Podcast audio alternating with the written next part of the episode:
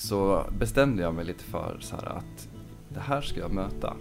Jag tänker inte fly, jag vill inte att det här ska begränsa mitt liv på sikt, jag vill inte bli sårad för livet.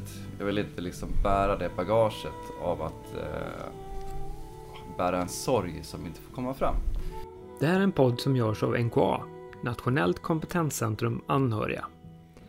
NKA är en verksamhet som arbetar för att utveckla anhörigstödet i vårt samhälle. Och vi vänder oss till alla anhöriga, oavsett ålder, sjukdom eller funktionsnedsättning.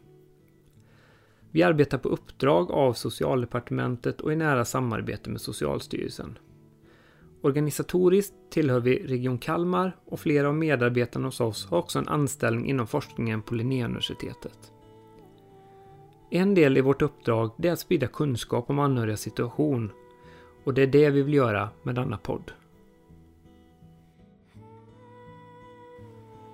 Hej och välkomna till detta poddavsnitt i NKA-podden med temat Hur kan jag ta hand om mig själv på bästa sätt? Till exempel när jag befinner mig i en anhörigsituation. Hur kan jag hitta sätt att må så bra i mig själv som jag bara kan? Jag heter Ingrid Lindholm och är möjliggörare praktiker här på NKA, Nationellt kompetenscentrum anhöriga. Eh, I mitt arbete så träffar jag ofta många människor i svåra anhörigsituationer. Eh, en vanlig fråga som jag ofta får det är hur kan jag hantera den här situationen på bästa sätt? Eh, många uttrycker behov av att få kunskap om sjukdomen ens nära har, känna att bästa möjliga vård ges till den som är sjuk, kanske få eget professionellt stöd för att hantera situationen och även att träffa andra i samma situation. Men även om man får allt det här så kan man behöva hitta sätt och strategier i sig själv för att hantera livet när en person mår dåligt. Och kanske till och med hantera att den här personen eh, går bort. Eh, med oss idag i podden har vi det före detta snowboardproffset Stefan Karlsson vars mamma fick cancer och gick bort för cirka tio år sedan.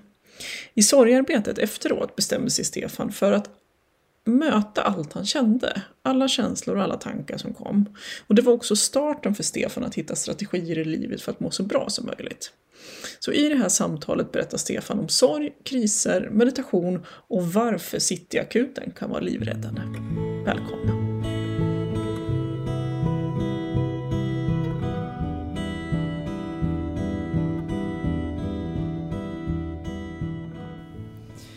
Dagens gäst är alltså Stefan Karlsson. Men Stefan, jag tänkte att du får presentera dig själv. Varmt välkommen hit!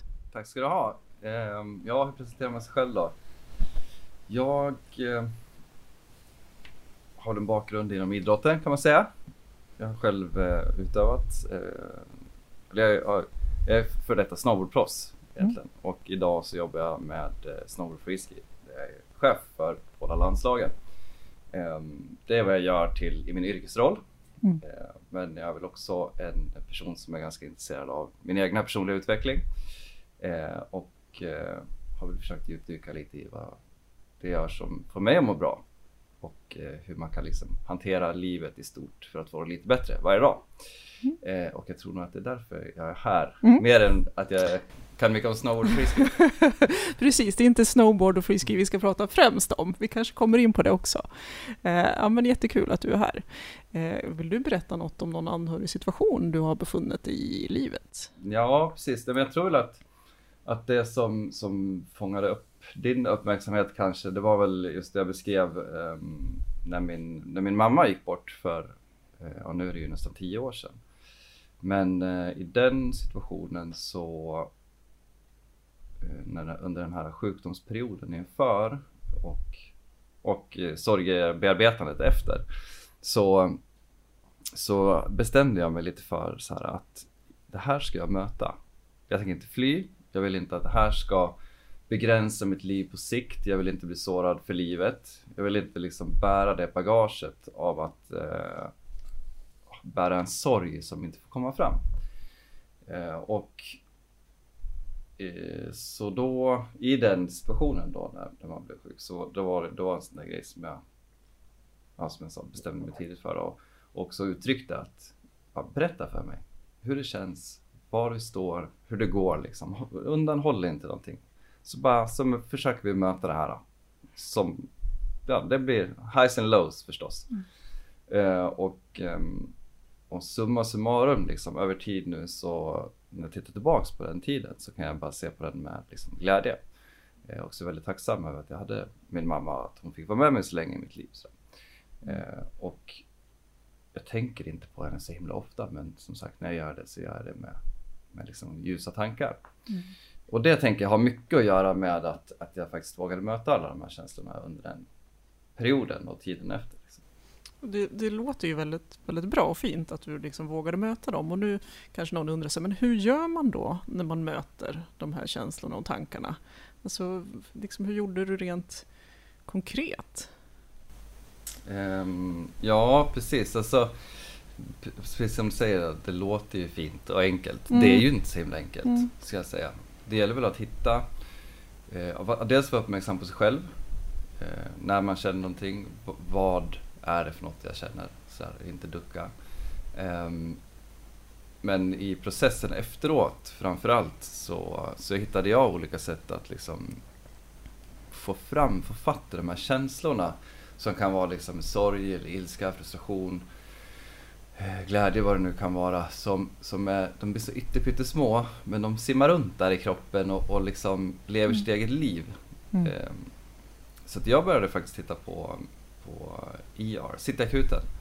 Det var perfekt timing så här. Jag jobbade, så kom jag hem vid halv fem snåret, lagade lite middag och sen så tittade jag på ER och det är ju liksom för er lyssnare som inte känner till det så är det så snyfthistorier konstant. Det är en sjukhusmiljö, eh, folk kommer in eh, och det är någon som har brutit benet men oftast är det ju lite värre grejer så och så är det oftast en personhistoria bakom. Eh, och det använder jag då för att fånga tag, koppla det här till mitt egna liv liksom och, och fånga tag i de här känslorna. Så jag satt och smålipade mm. liksom, ganska ofta då till, mm. till IR. Mm. Ett sätt att liksom få utlopp för, för sorgen. Ja, precis. Mm. Ja, men verkligen. Mm. Eh, och Um, vissa kan använda musik tänker jag mm. också. Det finns mycket, alltså den mesta musiken handlar om kärlek mm. eller livsproblem på mm. olika sätt. Um, men, men det finns ju en sak i det här då som jag, för när vi började prata om det här så det, det finns olika sätt att göra det. Man kan ju mm. antingen liksom vältra sig i sin egna sorg, tycka synd om sig själv och, och liksom låta det här spela runt, runt, runt. Eh, men det är ju bara att liksom tycka synd om sig själv. Mm. Eh, jag tänker att man, om man lyckas koppla den här känslan till sin egna upplevelse eh, och också uttrycker den på något sätt, genom tårar eller vad det mm. nu kan vara, mm. eh, då kommer man också lägga den bakom sig. Det blir som att spela upp sin egna historia. Mm. Eh, och då tycker man inte synd om sig själv längre, mm. utan då mm. blir man stärkt. Mm. Eh, och det tror jag är en viktig del att, att faktiskt eh, komma ihåg. Det har varit väldigt viktigt för mig att att inte liksom hamna i den där fällan av att någon slags egenvältrande av åh, det är så synd om mig. Så ja, det, det, i vissa sammanhang pratar man ju om liksom mentalisering eller ett sätt att man istället för att kanske liksom våga vara i känslorna så håller hjärnan på och tänker massa. Alltså det, det, liksom I olika terapeutsammanhang kan man prata om att, att man vill att, att, personer kommer till känslan och känner känslan istället. För att, för att det är lätt att tankarna går som ett liksom motstånd mot att verkligen vara i känslan. Mm. Och då tänker jag att det här var ju ett väldigt fiffigt sätt att liksom se någonting eller få utlopp som du säger. Att, att lyssna på musik eller att måla något själv eller att göra någonting själv kan ju verkligen verkligen vara ett sätt att få ut de här känslorna, eller komma i kontakt med känslorna. För jag tänker, vi lever väl i en värld som är ganska som uppmuntrar oss inte alltid att vara jätteemotionella. Eh, det är kanske inte alltid okej okay att sitta och gråta var som helst eller att leva ut de här känslorna. Men, men, när man hittar ett sätt, ett verktyg för att nå det där, tänker jag, då, då kan man ju som du säger bearbeta de känslorna som är där. Ja, ja men verkligen. Jag tror att det kan vara ganska giftigt att ha kvar dem där, i, liksom att försöka undvika det.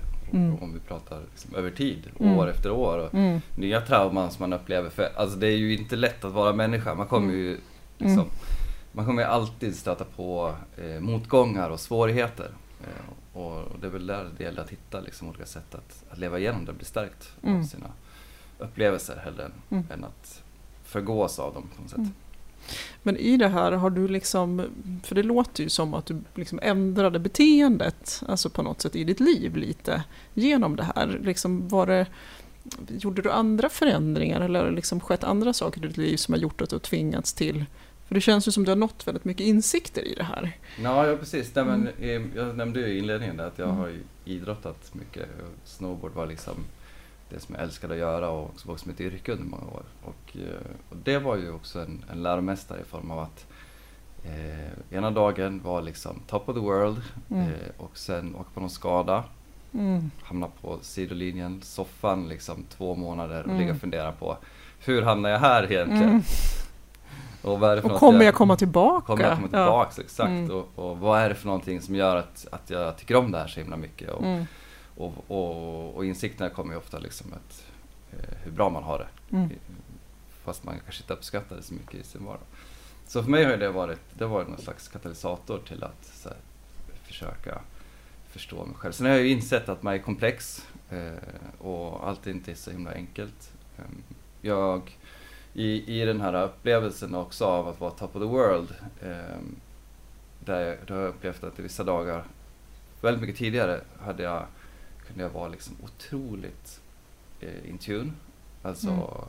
ha känslospröten ute och ha superbra känsla för mitt idrottsutövande eller för timing-situationer och sådär. Och andra dagar bara pannkaka och så här, låta tankarna ta över och det bara det var väldigt mycket så här berg och. Mm.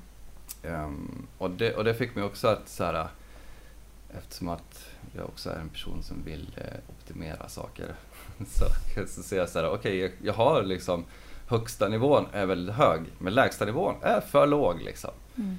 Ehm, och det sätter käppar i hjulen för mitt välmående och mitt, mitt liv. Liksom. Ehm, så då, och det här är ju ganska länge sedan då, men då började jag också ehm, söka mig till meditation och liknande. Olika sätt att liksom försöka så här, komma in tillbaks in i min kropp.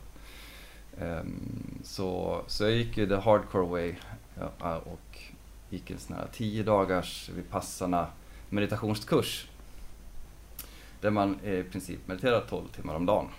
Eh, och sen är man tyst i 10 dagar. Eh, Mm, det är hardcore. Om man Mm. söker sig inåt. Alltså det, är Mm. in, det är inte så här uh, ut och flaxa bland stjärnorna utan det är verkligen så här uh, observera din egna kropp, dina egna känslor.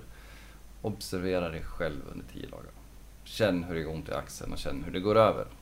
Hade du mediterat något innan då? Ja men lite grann Ja. eh, hade jag gjort. Jag hade ju upptäckt att Mm. om jag satte mig i stillhet så, Mm. så hände det någonting. Jag Mm. liksom vart lite mer skärpt och sådär. Och Mm. Tankarna som du beskrev innan de blev eh, lite mindre tjattriga. Och sådär. Mm. Så för mig var det liksom lite grann att hitta hem. Mm. Ehm, vilket var väl fördelaktigt. Det är ju, det är ju ganska kämpigt bara de här tio, tio dagarna. Mm. Det var nog en av de svåraste sakerna jag gjort dittills i mitt liv i alla fall. Um, Var vad ska något- säga om det då? Ja, men var det något som förändrades efter det? Liksom, blev det någonting som, som blev annorlunda i livet liksom, efter de här tio dagarna? Ja, det, dels så är det ju en del som är, eh, som är just den här eh, direkta fördelen av att meditera, bli mer skärpt. Eh, ha lite lägre dalar och högre toppar, ska jag säga. Eh, jag har ju liksom förfinat det här lite grann, så jag mediterar lite grann varje dag nu eh, istället för att de säger att man ska meditera en timme. Det är det ingen som har tid med. Liksom. Men jag gör typ fem minuter varje morgon. Mm. Börjar med att, att checka av liksom vart det står eh, och, och tar avstamp i dagen. Men bakom den här meditationstekniken så fanns det också en filosofi eh, som man då sitter och observerar. Det är ju att allting är föränderligt. Alltså du är glad idag och du kommer vara på något annat sätt imorgon. Och du kanske är liksom, har ont någonstans just nu. Men det kommer också förändras. Mm. Och- men det tog mig många år innan jag förstod vidden av den filosofin. Så det var faktiskt för något, något år sedan bara som, som jag hade en sån här upplevelse en sommar av att, aha, det är så här de menar. Mm. Att så här, nu är jag här bland mina vänner Mm. och vi har det skitbra och allting är liksom det värsta samtalen och alla är snälla med varandra trevliga. Och jag började liksom uppleva hur bra det var. Och samtidigt kom insikten om att det här kommer ju också ta slut. Så jag måste uppleva det ännu lite mer, ännu lite starkare. Måste verkligen vara närvarande i nuet. Exakt, för det kommer också Mm. en, en ny tid liksom. Mm. Eh, så, så de delarna har ju blivit väldigt mycket. Så jag uppskattar ju de mindre sakerna i livet på Mm. ett annat sätt nu. Och jag kan också möta motstånd eh, på ett annat plan också. Jag kan ju vara Mm. lite så här. Nu blir det, nu är det lite så här kris här, spännande. Får Mm. se. Vad som vad, ska, händer. vad ska hända då? och vart förändringen går, åt vilket håll. Ja, oftast blir det Därifrån. någonting Mm. bättre. Mm. Folk är frustrerade och de måste få uttrycka det på något sätt. Och, Mm. och det är inte sanningen, liksom Mm. det de säger just nu. Men, men vi kommer kanske komma dit om, om ett tag när alla Mm. får säga sitt och sådär. Tänker man kan ju också säga någonting om meditation. Jag tänker, jag, jag mediterar ju själv och, och jag tror jag som många andra hade föreställningen innan, jag vet inte hur det var för dig Stefan, men innan jag började meditera att man ska sitta och inte tänka någonting. Alltså att, att många tror att det bara ska vara helt blankt det, och det är ja. ju svårt som människa. Att, att precis som du säger, att, att meditation handlar mycket om att, att vara, vara stilla och, och närvarande i nuet observera det som händer, både kanske i kroppen, med i känslor och tankar. Och den, den eh, tror jag också personligen har det också gjort väldigt mycket för mig, att hitta ett, ett annat lugn i livet och även i anhörigsituationer eller svåra situationer. Att när man vet att det finns en plats där man kan hitta den här stillheten så kan det ju ofta ge en, liksom, ja, men en, en förutsättning att kunna möta det som är svårt, eller även det som är kul. Eh, men att man, att man har den där platsen inom sig själv. Ja, precis. Du, man eh, öppnar ju sitt bredband lite mera för att ta emot alla de här delarna, Mm. tänker jag. Eh, och när jag gjorde det här då, då fanns det ju inte heller några appar. Liksom, smartphonen var ju inte uppfunnen för typ 20 år sedan. Ja, Det var ett det tag låter sedan. det som att jag är jättegammal, men inte så. Ja, vad heter det? Du var inne på det här med liksom förändring, att allt förändras. Eh, hur liksom förhåller du dig till liksom rädslor? Och du sa ju det, kris, att du nästan kan tycka det är kul. Men jag tänker att många, många människor mm, är kanske rädda på olika sätt. Jag tänker när din mamma var sjuk eller andra situationer när man är nära någon som mår dåligt eller andra situationer man hamnar i livet som är svåra. Eh, Blir du inte rädd eller hur hanterar du de situationerna? Eh, i, Jo, jag uppmärksammar också att jag är rädd. mm, Jag, eh, jag blir skiträdd ibland alltså. mm, Och så ibland så gör jag det ändå.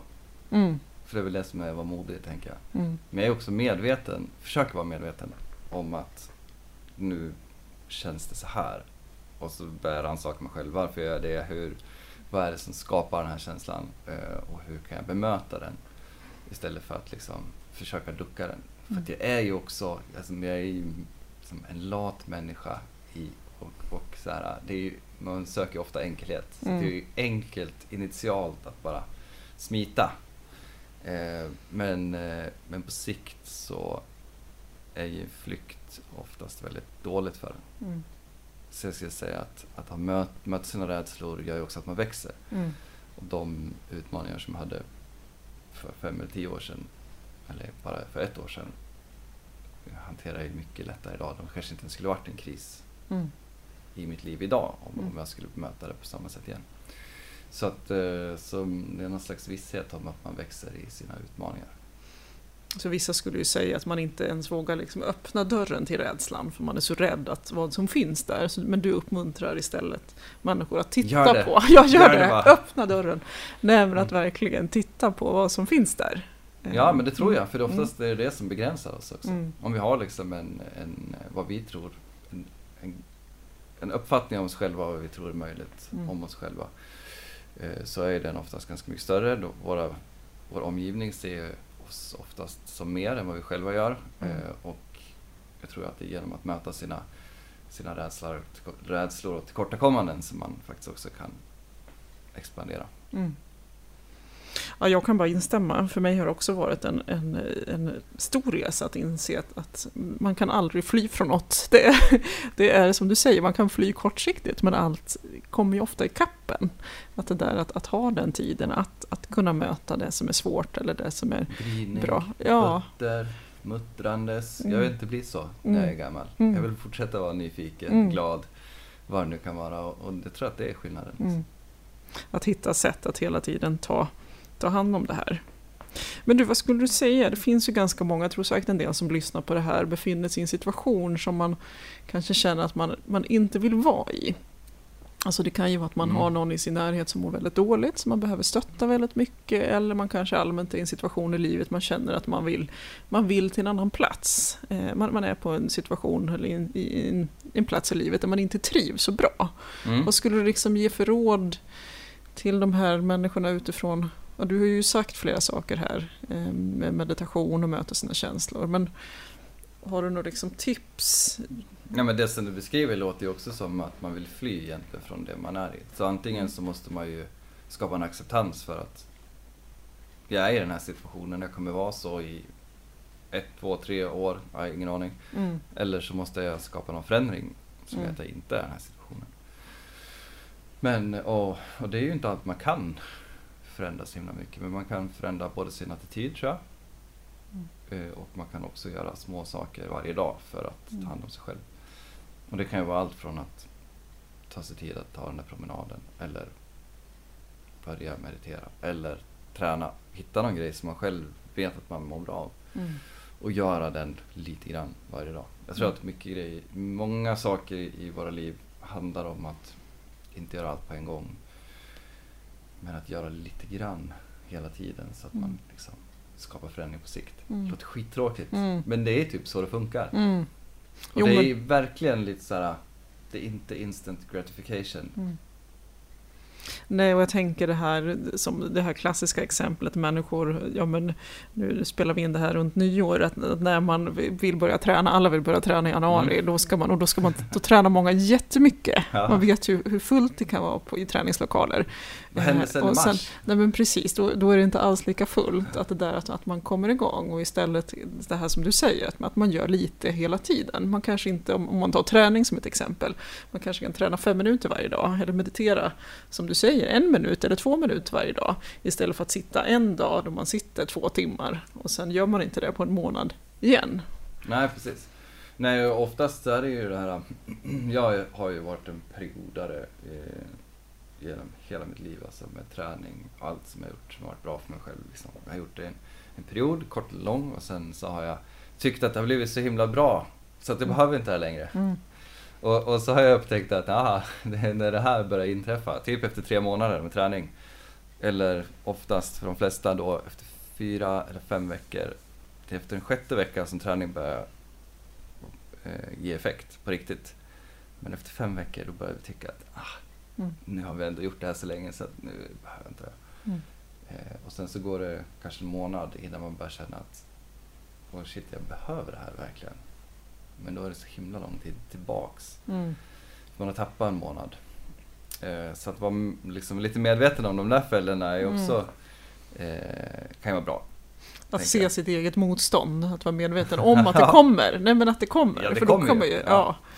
Och då kan man ju liksom kanske förbereda sig mentalt för att, för att det här kommer. Jag, jag vet också de situationer jag varit i livet som kanske är lite svårare. Att man, att man tänker då att ja, men det här kanske kommer hålla i sig nu i några veckor. Eller men när man försöker skapa en förändring. Det kommer vara ett motstånd nu tills det här blir en vana. Mm. Eller jag vet inte sätt. ens, om man aldrig gjort det förut heller, så vet Mm. jag inte ens om det, om det kommer göra någon skillnad. Mm. Tänker jag. Hur hanterar man det? Mm.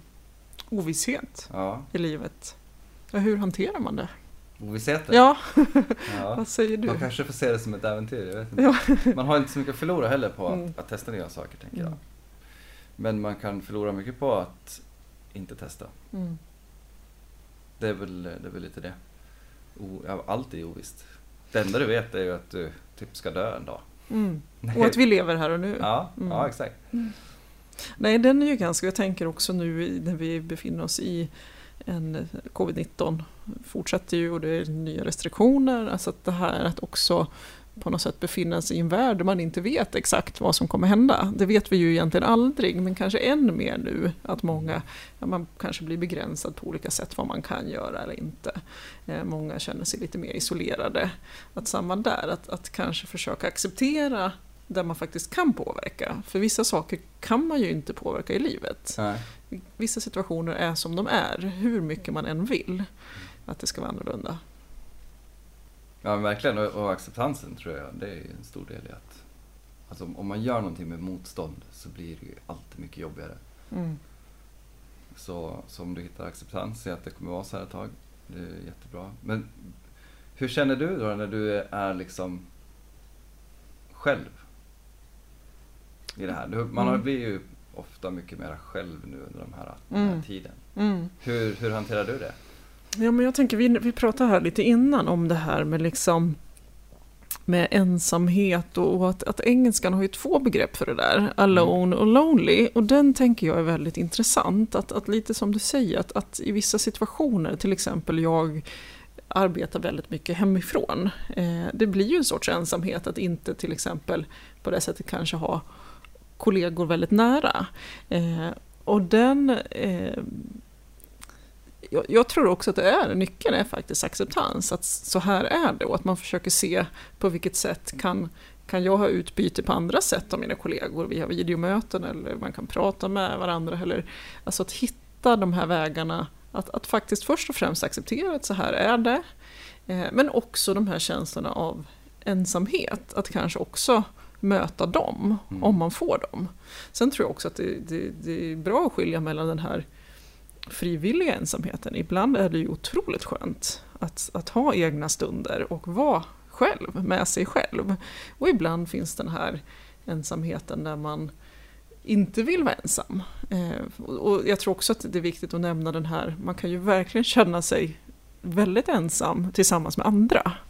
Så, Mm, ja, så, att, så, att, så att den har ju sällan med kanske den faktiska ensamheten att göra, utan det är mycket det här hur, hur det är och hur man förhåller sig till situationen som är. Eh, Men jag tror, precis som du säger, acceptans, men också att våga möta den, den känslan. För jag tror den här känslan av ensamhet är väldigt eh, skamfylld på vissa sätt. Att man kanske skäms över att man är ensam. Eller känner sig ensam. Eller eh, jag kan träffa många personer i mitt jobb som, som känner sig väldigt ensamma. Man kanske befinner sig i en anhörig situation eller man, man, man kanske inte har så många vänner som man skulle önska. Eller man, har, man, man lever själv ofrivilligt på olika sätt. Eller barnen kanske har flyttat hemifrån som man har stöttat hela livet. Och jag tror att första steget är ju verkligen att, att se det, så här är det faktiskt. Eh, situationen är så här. Sen kanske man kan göra det du var inne på förut, att de här små stegen till, till förändring. Mm. Vad, kan jag, vad kan jag göra? Vad kan jag påverka? Men också att acceptera att så här är det just nu, idag, men, men det kan ju bli annorlunda i framtiden. Mm, ja, verkligen. Och lite Mm. det här att, att eh, det kan vara rätt schysst att vara själv också. Mm. Man behöver inte vara ensam för det. Mm. Eller känna sig ensam kanske. Eh, och ja, precis de här små stegen. Jag funderade, eh, jag försökte sluta dricka kaffe på morgnarna ett tag. Mm. För, och så försökte jag bestämma mig för liksom, ja men jag gillar ju att dricka kaffe på morgonen Mm. ska jag säga. alltså, Så det var Så- svårt, ja, det här det var, var- det här något var jobbigt. Ja. Ja. Mm. det kan ju vara en banal sak, Mm. men så börjar jag räkna så här, men om jag struntar i att dricka kaffe eh, på morgonen under liksom ett års tid, det är liksom minst 300 koppar kaffe mindre. Liksom. Mm. Om det är tre, år, det är typ tusen koppar kaffe som jag inte Mm. kommer dricka på morgonen. Det kommer göra skillnad. Eh, och det höll ett tag faktiskt, gjorde det. Mm. Men inte tillräckligt länge. Så, att, så nu är jag tillbaka där och dricker morgonkaffe. Eh, Men hur känner du då? Alltså känner du det som ett, liksom, känner du som ett misslyckande eller är du bara så här, nej men nu blev det så här? Ja, men jag känner lite mer så här, nu, jag har ändå tagit ett aktivt val. nu. Ja. Att, eh, ja men det vart så här, det var inte Mm. så himla viktigt. Några laster måste man få ha. Mm. Och så, ja så får det vara så. Men jag har gjort ett försök i alla fall. Mm. Och liksom eh, kan ändå uppskatta morgonkaffet lite Mm. mer nu. Mm. Det är inte bara slentriankoppar. För det finns lite så här, åh ska jag? Ja det ska jag. Ja, men det, det, det här tror jag är väldigt viktigt just att, att i, eh, i livet att hitta och, och kanske framför allt om man befinner sig i en svår situation, att hitta de här små sakerna som faktiskt ger energi eller ger glädje.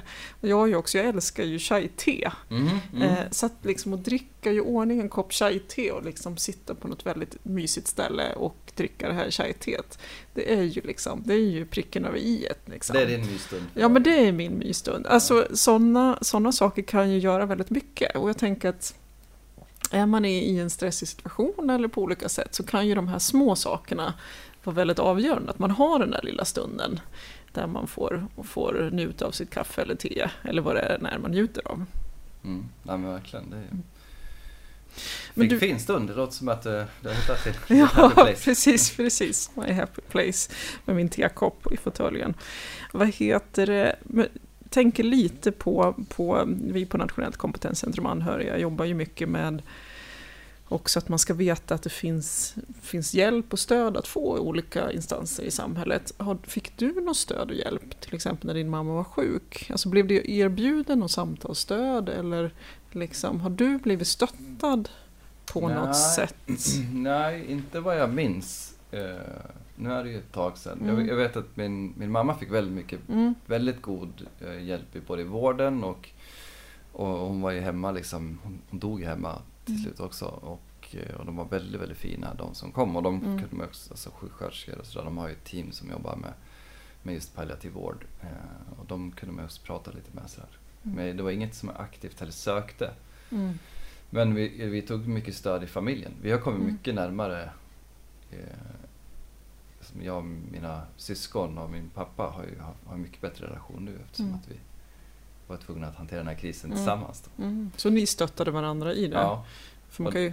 förlåt. Ja, och det var, det var ju liksom en del. Sen så, så hittade jag själv mycket styrka i eh, några nära vänner som, som hade gått igenom det här. Och jag kunde se eh, i deras ögon på något sätt att de hade överlevt det här. De hade gått igenom den här, en sån här kris, eh, förlorat en nära anhörig och Eh, och fortsatte leva på ett bra sätt. Och det fann jag också mycket energi i. Och liksom mm. att, ja, det mm. finns fler, det är inte mm. bara jag. Mm. Man, för, för just att prata om ensamhet så kan man känna sig väldigt, väldigt ensam. Mm. Här. Jag minns att jag, jag liksom eh, i, eh, när, när dödsdagen kom och, eh, och jag var tvungen att åka till liksom, ICA Maxi och handla mat till familjen. Mm. och, och satt parkeringen där och hela världen bara fortsatte som vanligt. Mm. Um, det, det var ju också en mycket märklig känsla. Och helt naturlig. Folk dör ju hela tiden. Mm. Men i min värld, min värld hade ju förändrats helt mm. medan den här andra världen liksom levde vidare som, som om ingenting hade hänt. Mm. Och den är väldigt svår den där ja. att hantera de gånger man har varit i sån här riktig krissituation. Man är så det är så konstigt att den här andra världen fortsätter, fortsätter vara på något sätt. Ja, mm. och har gjort så i mm. tusentals mm. år. Mm. Jorden är 4,5 miljarder eller någonting, jag vet mm. inte det. Och människan har funnits här i hundratusentals år. Mm. Ja, det är, man lever och dör. Solen går upp och ner oavsett vad som händer. Ja, obarmhärtigt gör ja, så. det blir natt och dag. Ja, jag tänker att vi ska, vi ska börja avrunda här. Eh, men jag tänkte bara avsluta med en, en väldigt eh, kanske stor fråga. Vi har ju varit inne lite på det här med, med kanske, ja, vi har snuddat kanske lite på meningen med livet och att allt förändras och sådär. Men mm. vad skulle du säga? Vad skulle du säga? Nu, nu kommer man här med den här sista, men vad är lycka eller vad är meningen med livet? Vad skulle du Liksom, mm. Har du något sånt där väldigt ja, nej, konkret? Men jag gav kast med den här frågan då för väldigt länge sedan. Liksom eh, lycka, att försöka, vad är liksom, att vara lycklig? Vad, vad innebär det egentligen? Eh, och för mig har det nog börjat landa i eh, att, att vara förnöjd. Att kunna återvända till någon plats i mig själv där jag är liksom tillfreds med min tillvaro. Eh, större delen av min tid. Mm. Eh, och den kommer återigen vara föränderlig, den kommer rubbas. Men, men att möta liksom livets både framgångar och motgångar och känna sig förnöjd. Liksom. Mm. Utan att, jag tror inte att det här var superlyckligt och allt är underbart. Det är också bara den topp av livet. Mm. Men, att, men att känna sig förnöjd. Mm. Alltså, wow, vilken känsla! Mm. Att gå ut på gatan och bara gå och handla och tycka att allt är lite nice. Mm. Där någonstans tror jag. Mm, kan man uppnå det mm. eh, och ju längre tid man kan uppnå det under ett dygn, under en vecka, under en månad, mm. under ett år. Eh, ja, då, då tror jag att man börjar hitta någonstans. Mm. Ja, och jag tänker just lycka är ju så flyktigt på något sätt. Jag tänker att de, de gånger i livet kanske där man har verkligen känt sig lycklig, alltså på det sättet, det är ju kanske mer korta stunder i olika sammanhang. Mm. Alltså att ha någon mer känsla av, som du säger, förnöjsamhet, det kanske är mer något som man kan känna större delen av tiden.